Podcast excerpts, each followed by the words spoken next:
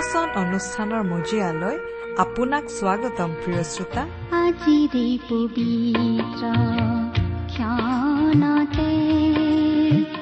উজলি উঠা খ্ৰীষ্টৰ জ্যোতি। প্ৰিয় শ্ৰোতা আপুনি নিজকে খুব অকলশৰীয়া অসহায় অনুভৱ কৰিছে নেকি তেন্তে আপোনালৈ আনিছো এটি সুখবৰ সেয়া হৈছে আপোনাৰ দুখ যাতনা কষ্ট যিমানেই বেদনাদায়ক হলেও প্ৰভু যীশুৱে আপোনাৰ লগ কেতিয়াও নেৰে। তেওঁ সদায় আপোনাৰ সংগে সংগে আপোনাৰ পদে পদে আপোনাৰ সাৰথি হৈ লগতে থাকে। তেওঁক আপুনি যিকোনো পৰিস্থিতিত বিশ্বাস কৰিব পাৰে। তেওঁ লগত থকাত আপুনি কেতিয়াও অকলশৰীয়া আৰু অসহায় নহয়। আহক এবাৰ আকৌ আজি আমি নিজকে প্ৰস্তুত কৰোঁ। ঈশ্বৰৰ জীৱনময় বাক্যৰ শিক্ষামূলক অনুষ্ঠান ভক্তিবচন শুনিবলৈ।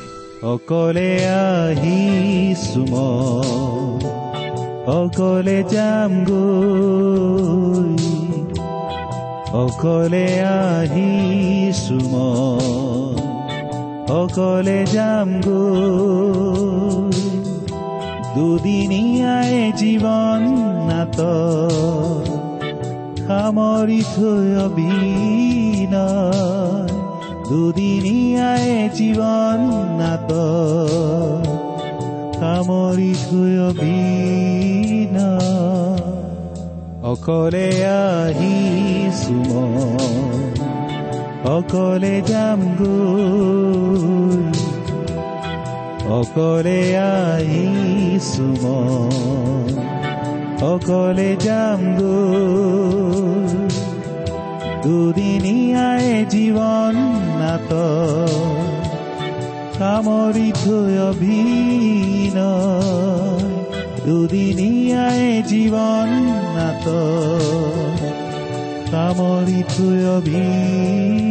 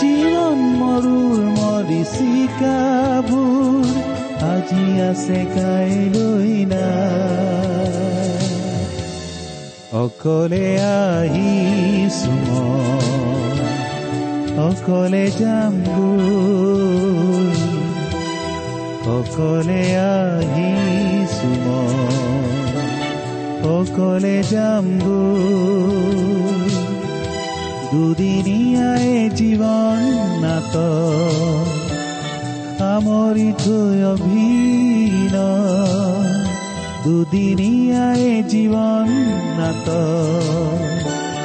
সামৰি থৈ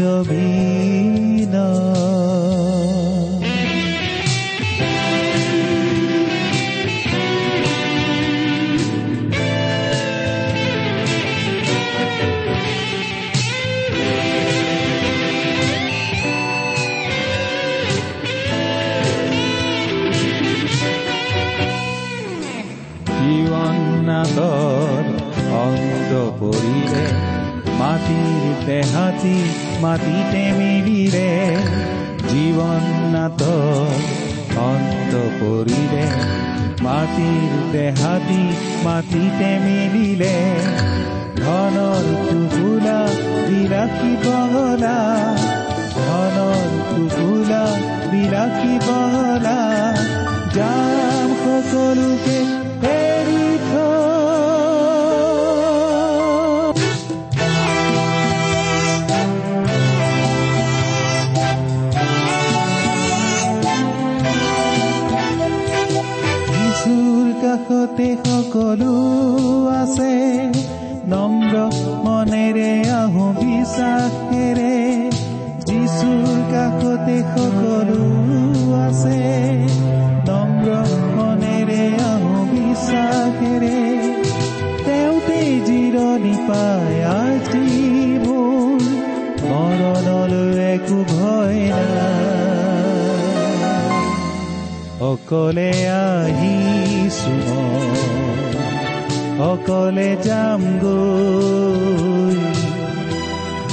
অকলে আহিছো অকলে যাম গৈ দুদিনীয়াই জীৱন নাট সামৰি থৈ অবিন দুদিনীয়াই জীৱন নাট সামৰি থৈ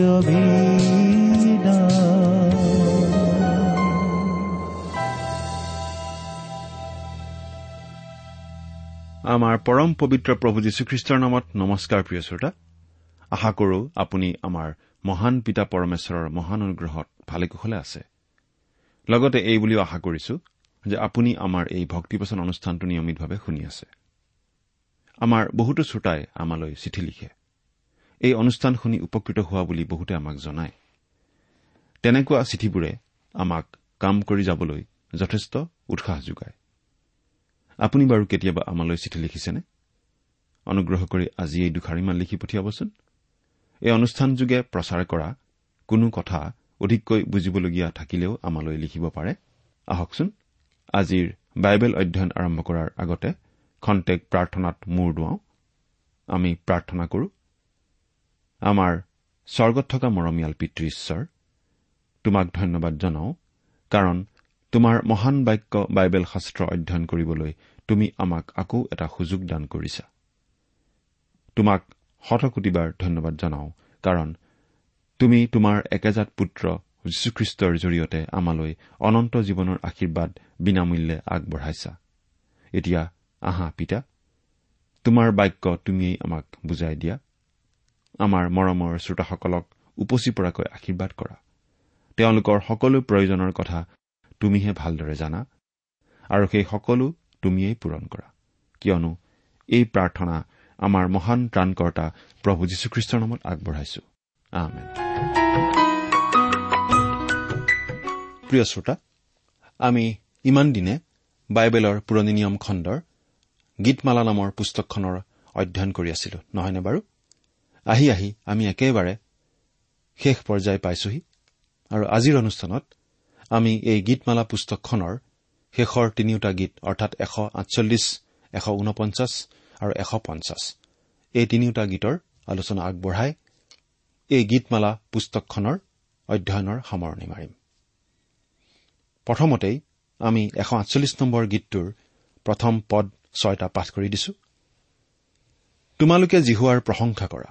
তোমালোকে আকাশমণ্ডলত জিহুৱাৰ প্ৰশংসা কৰা। উচ্চ স্থানবোৰত তেওঁৰ প্ৰশংসা কৰা। হে জিহুৱাৰ সকলো দূত তেওঁৰ প্ৰশংসা কৰা। হে জিহুৱাৰ সকলো বাহিনী তেওঁৰ প্ৰশংসা কৰা। হে সূৰ্য আৰু চন্দ্ৰ তেওঁৰ প্ৰশংসা কৰা। হে দীপ্তিমন্ত সকলো তৰা তেওঁৰ প্ৰশংসা কৰা। হে আকাশমণ্ডলৰ ওপৰৰ আকাশমণ্ডল হে গগনৰ ওপৰত থকা জলসমূহ তেওঁৰ প্ৰশংসা কৰা।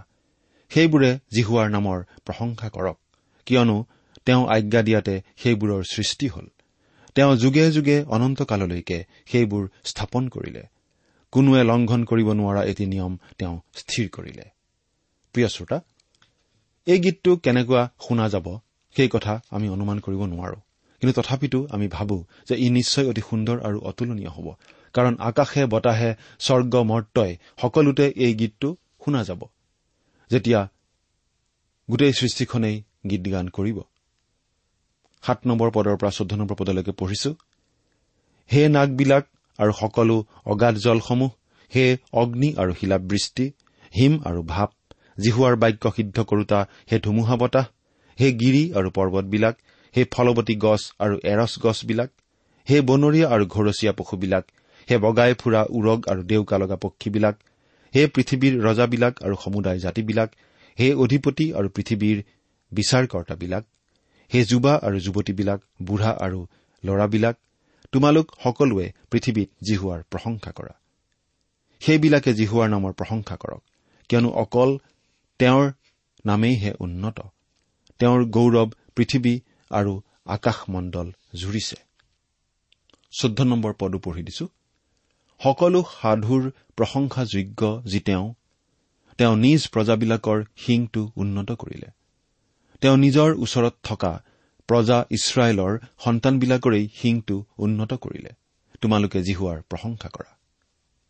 প্ৰিয় শ্ৰোতা ঈশ্বৰৰ গোটেই সৃষ্টিৰ সকলোৱেই আকাশ আৰু পৃথিৱীত ঈশ্বৰৰ প্ৰশংসাৰ গীত গাব। তেতিয়াহে ঈশ্বৰৰ নাম অতি জনাজাত আৰু জনপ্ৰিয় হ'ব।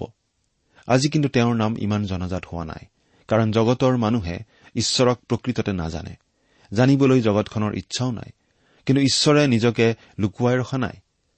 প্ৰভু যীশুখ্ৰীষ্টৰ যোগেদি তেওঁ আমাৰ মাজত নিজকে প্ৰকাশ কৰিছে আৰু বাইবেল শাস্ত্ৰৰ যোগেদি আমাক তেওঁ কথা কৈছে। আমি এই ভক্তিবচন অনুষ্ঠানৰ যোগেদি ঈশ্বৰৰ বাক্যৰ নিগৃঢ় তত্ববিলাক আপোনাক সহজ সৰল ভাষাৰে বুজাই দিবলৈ চেষ্টা কৰি আছো। সেইকাৰণে আপুনি যদি প্ৰভু যীশুখ্ৰীষ্টক বিশ্বাস কৰে আৰু ভক্তিবচন অনুষ্ঠান নিয়মীয়াকৈ শুনে তেন্তে আপুনি ঈশ্বৰক পাবই আৰু তেওঁৰ বিষয়ে বিতংভাৱে আৰু ভালদৰে জানিবই। গতিকে এই অনুষ্ঠানটি নুশুনাকৈ নাথাকিব। এতিয়া আমি এশ ঊনপঞ্চাছ নম্বৰ গীতৰ মূল কথাটো চাব খুজিছো।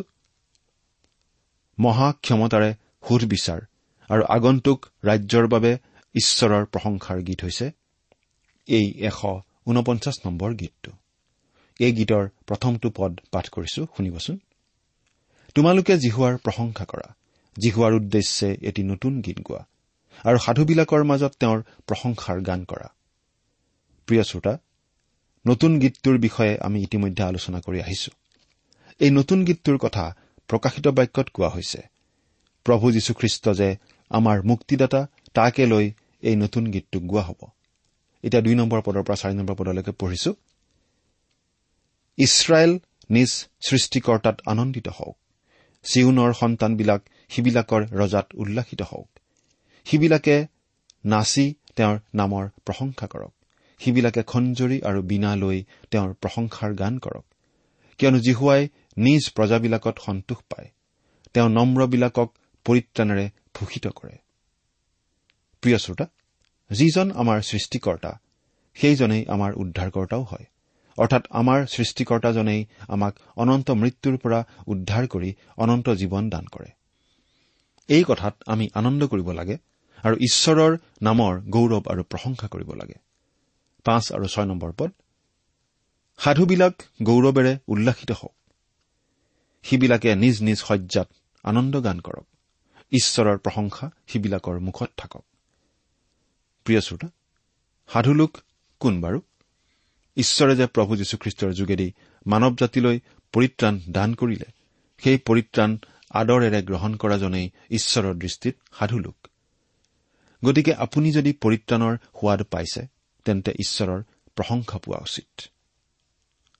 সাত নম্বৰ পদৰ পৰা ন নম্বৰ পদলৈকে আমি পঢ়িছো জাতিবিলাকৰ প্ৰতিফল সাধিবলৈ লোকসমূহক দণ্ড দিবলৈ সিহঁতৰ ৰজাবিলাকক শিকলিৰে বান্ধিবলৈ সিহঁতৰ মান্যৱন্ত লোকক লোহাৰ জিঞ্জিৰিৰে বান্ধিবলৈ সিহঁতৰ বিৰুদ্ধে লিখিত বিচাৰ নিষ্পত্তি কৰিবলৈ দুধৰীয়া তৰোৱাল সিবিলাকৰ হাতত থাকক।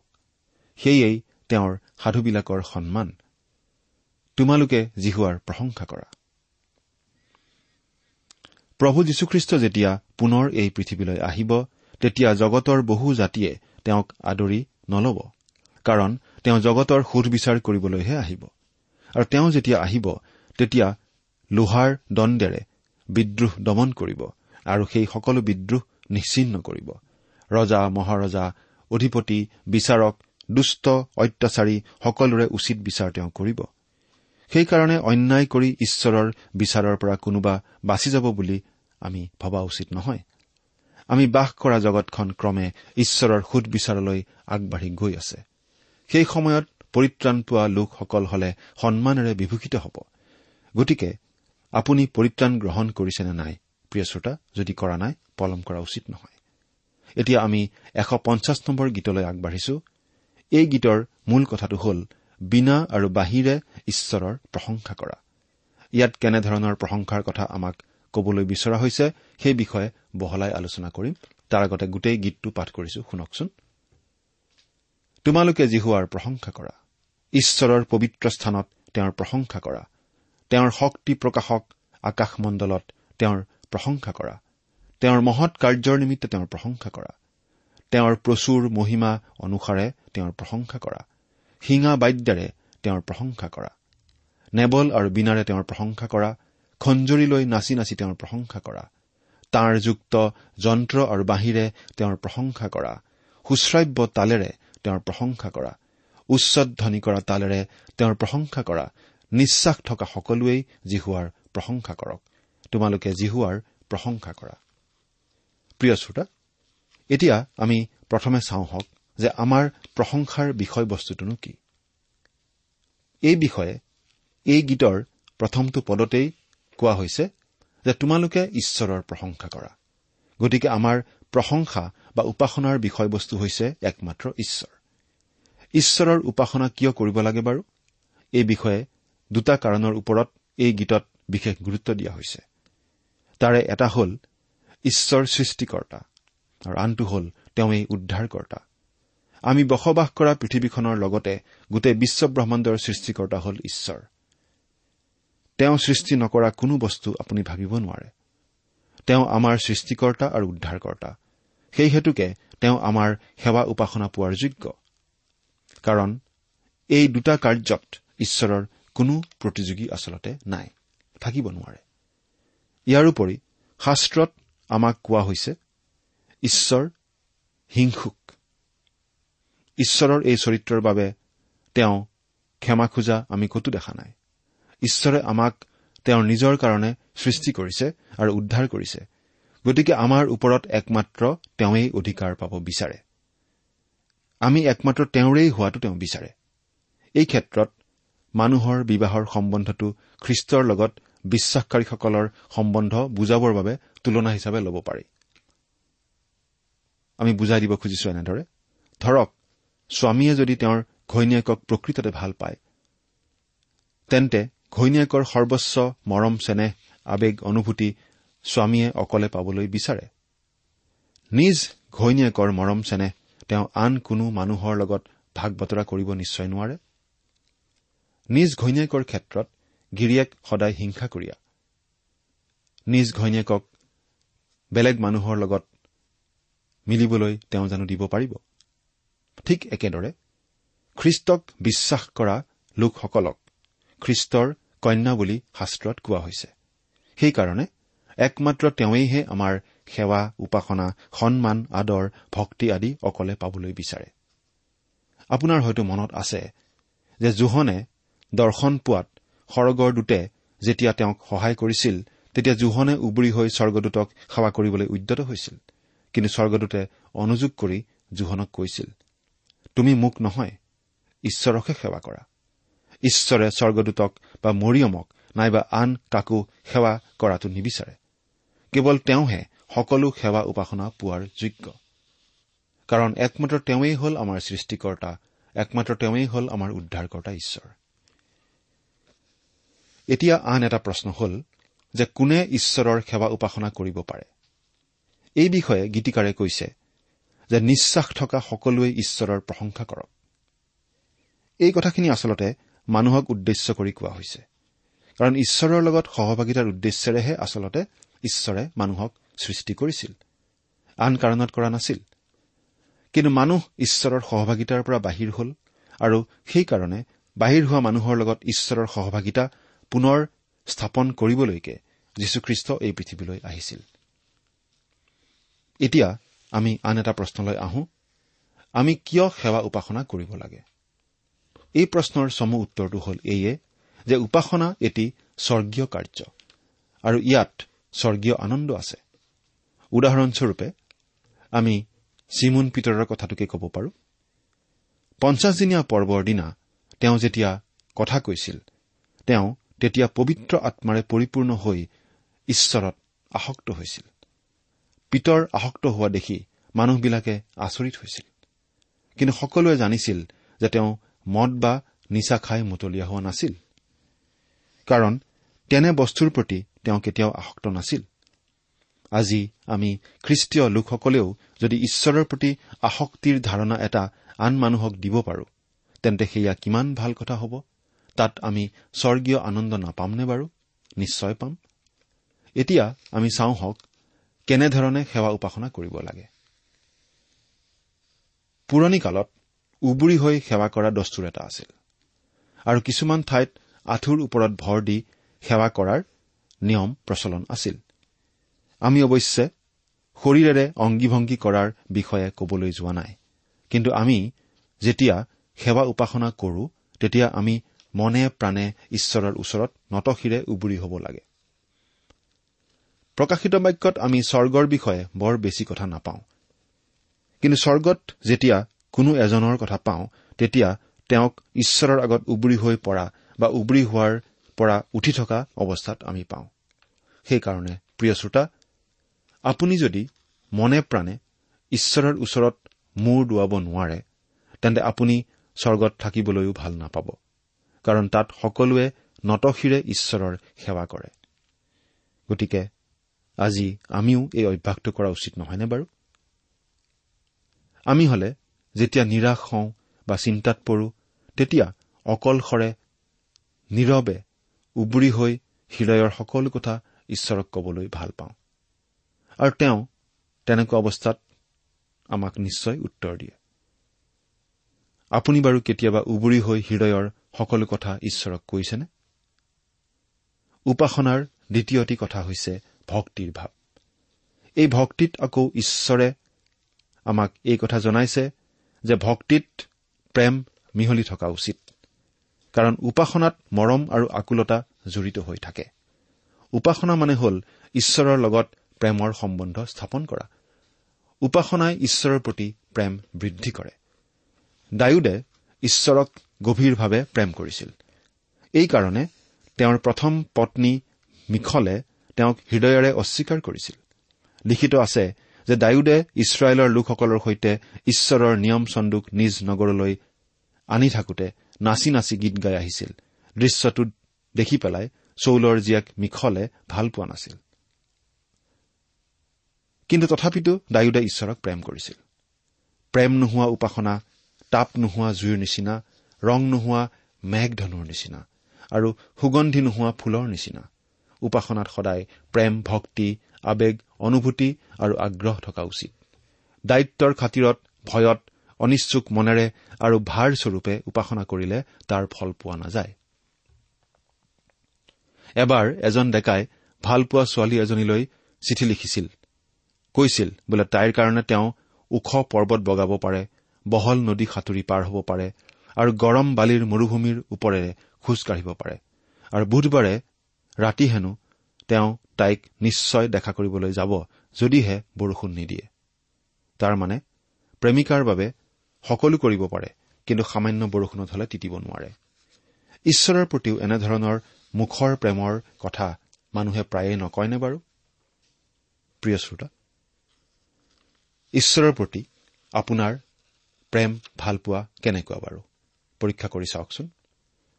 উপাসনাৰ তৃতীয়টি কথা হ'ল ঊৰ্ধগতি অৰ্থাৎ আমি যেতিয়া উপাসনা কৰো তেতিয়া আমি জানিব লাগে যে আমি সকলোতকৈ ওপৰত থকা সৰ্বশক্তিমান ঈশ্বৰৰ ওচৰত মূৰ দুৱাইছো। এইভাৱে আমাক বহু ওপৰলৈ লৈ যায়। অৰ্থাৎ আমাক শক্তি আৰু সাহস প্ৰদান কৰে। এই শক্তি আৰু সাহসে আমাক মানুহক তেল মৰা স্বভাৱৰ পৰা আঁতৰাই ৰাখে আৰু ভূত পিশাচৰ ভয় নোহোৱা কৰে। কিন্তু আমি যদি ঈশ্বৰৰ ওচৰত নতশিৰ নহওঁ তেন্তে আন মানুহক তেল মৰাটো স্বাভাৱিক হৈ পৰে। এজন বিখ্যাত পণ্ডিতে লিখিছিল যে মানুহে আচলতে দুই ধৰণে খ্ৰীষ্টক ক্ৰুচত দি আছে। তেওঁক উদ্ধাৰকৰ্তা বুলি অস্বীকাৰ কৰি আৰু তেওঁৰ উপাসনা আন্তৰিকতাহীনভাৱে কৰি। ভক্তিহীন আন্তৰিকতাহীন আৰু প্ৰেমহীন উপাসনা কৰা মানে খ্ৰীষ্টক অস্বীকাৰ কৰাকেই বুজায়। আমি যে খ্ৰীষ্টক নাজানো তাক প্ৰমাণ কৰাৰ নিচিনা হয়। কিন্তু মন কৰকচোন পৌলে যেতিয়া মাটিত বাগৰি পৰিছিল তেতিয়া যীশুৱে তেওঁক উঠিবলৈ কোৱাত তেওঁ উঠি থিয় হৈছিল। একমাত্ৰ খ্ৰীষ্টৰ শক্তিয়েহে প্ৰতিত মানুহক পৰাৰ পৰা তুলিব পাৰে। জোহনেও যীশুক কি আচৰিত ৰূপত দেখা পাইছিল? সেই কথা আমি প্ৰকাশিত বাক্যৰ প্ৰথম অধ্যায়তেই পাওঁ। যীশুক দেখি জোহনে মৰাৰ নিচিনাকৈ তেওঁৰ চৰণত পৰিছিল। তেতিয়া যীশুৱে সোঁহাত তেওঁৰ গাত দি কৈছিল ভয় নকৰিবা। যীশু যে অতিশয় মহান এইবিলাকেই হ'ল তাৰ প্ৰমাণ। তেওঁৰ মহানতাক যদি আমি ভয় ভক্তি আৰু প্ৰেম নকৰো বৰং বিদ্ৰূপ বা অৱহেলা কৰো তেন্তে তেওঁক অস্বীকাৰ কৰাই হয়। মানুহ ঈশ্বৰৰ হাতৰ সৃষ্টি। আৰু ঈশ্বৰে নিজে মানুহৰ নাকত প্ৰাণবায়ু সুমুৱাই দিয়াত মানুহ জীয়া প্ৰাণী হ'ল। কিন্তু মানুহ ঈশ্বৰৰ অবাধ্য হোৱা হেতুকে ঈশ্বৰৰ পৰা বিচ্ছিন্ন হ'ল। তথাপিতো মানুহৰ প্ৰতি ঈশ্বৰৰ মৰম কমা নাছিল আৰু কমা নাই। সেয়ে মানুহক পুনৰ নিজৰ সৈতে মিলন কৰাবলৈ ঈশ্বৰে নিজৰ একেজাত পুত্ৰ যীশুখ্ৰীষ্টক জগতলৈ পঠালে আৰু সেই যীশুখ্ৰীষ্টই মানুহৰ হৈ মানুহৰ পাপৰ প্ৰাচিত্ৰ কৰিবলৈ ক্ৰুচৰ ওপৰত নিজকে অৰ্পণ কৰিলে। আৰু আজি যীশুখ্ৰীষ্টক বিশ্বাস কৰি সকলো মানুহেই নিজৰ নিজৰ পাপৰ পৰা পৰিত্ৰাণ পাই পিতৃ ঈশ্বৰৰ গুৰিলৈ আহিব পৰা হৈছে। পিতৃ ঈশ্বৰৰ দৃষ্টিত ধাৰ্মিক বুলি গণিত হ'ব পৰা হৈছে। আৰু সেই সুবিধা গ্ৰহণ কৰি পৰিত্ৰাণ লাভ কৰি আমি হিয়া উজাৰি ঈশ্বৰক ধন্যবাদ দিয়া উচিত নহয়নে বাৰু? চিন্তা কৰি চাওকচোন। ঈশ্বৰে আমাৰ সকলোকে এনে এক অন্তৰ দান কৰক। আমেন। প্ৰিয় শ্ৰোতা ইমান পৰে আপুনি বাইবেল শাস্ত্ৰৰ পৰা ঈশ্বৰৰ বাক্য শুনিলে। এই বিষয়ে আপোনাৰ মতামত জানিবলৈ পালে আমি নথৈ আনন্দিত হ'ম। আমি প্ৰস্তুত কৰা বাইবেল অধ্যয়নৰ চিডিসমূহ পাব বিচাৰিলে আৰু অনুষ্ঠানত প্ৰচাৰ কৰা কোনো কথা বুজিব লগা থাকিলেও আমালৈ লিখক। আমাৰ যোগাযোগৰ ঠিকনা ভক্তিবচন ট্ৰান্সপল ৰেডিঅ' ইণ্ডিয়া ডাক বাকচ নম্বৰ সাত শূন্য গুৱাহাটী সাত আঠ এক শূন্য শূন্য এক। ঠিকনাটো আকৌ এবাৰ কৈছো ভক্তিবচন ট্ৰান্সৱৰ্ল্ড ৰেডিঅ' ইণ্ডিয়া ডাক বাকচ নম্বৰ সাত শূন্য গুৱাহাটী সাত আঠ এক শূন্য শূন্য এক। আমাৰ ইমেইল এড্ৰেছটো হৈছে Assamese T TV at the rate radio' eight eight two dot com. আমাৰ website W W W dot T W R dot in. আপুনি টেলিফোনৰ মাধ্যমেৰেও আমাক যোগাযোগ কৰিব পাৰে। আজীৱন তোমাকে আৰাধো তোমাৰ কাষত হৃদয় সদায় মধুৰতাৰে সুৰ হয় আমাৰ টেলিফোন নম্বৰটো হৈছে nine eight five four zero' four zero' eight eight nine. Phone নম্বৰটো আকৌ এবাৰ কৈছো ন আঠ পাঁচ চাৰি শূন্য চাৰি শূন্য আঠ আঠ ন। আপুনি এই ভক্তিবচন অনুষ্ঠানটি আমাৰ website radio' eight eight two dot কমতো শুনিব পাৰিব। আজিৰ অনুষ্ঠানটি ইমানতেই সামৰিছো। ঈশ্বৰৰ শান্তি আৰু অনুগ্ৰহ আপোনাৰ লগত থাকক। ধন্যবাদ। যেতিয়া হতাশানে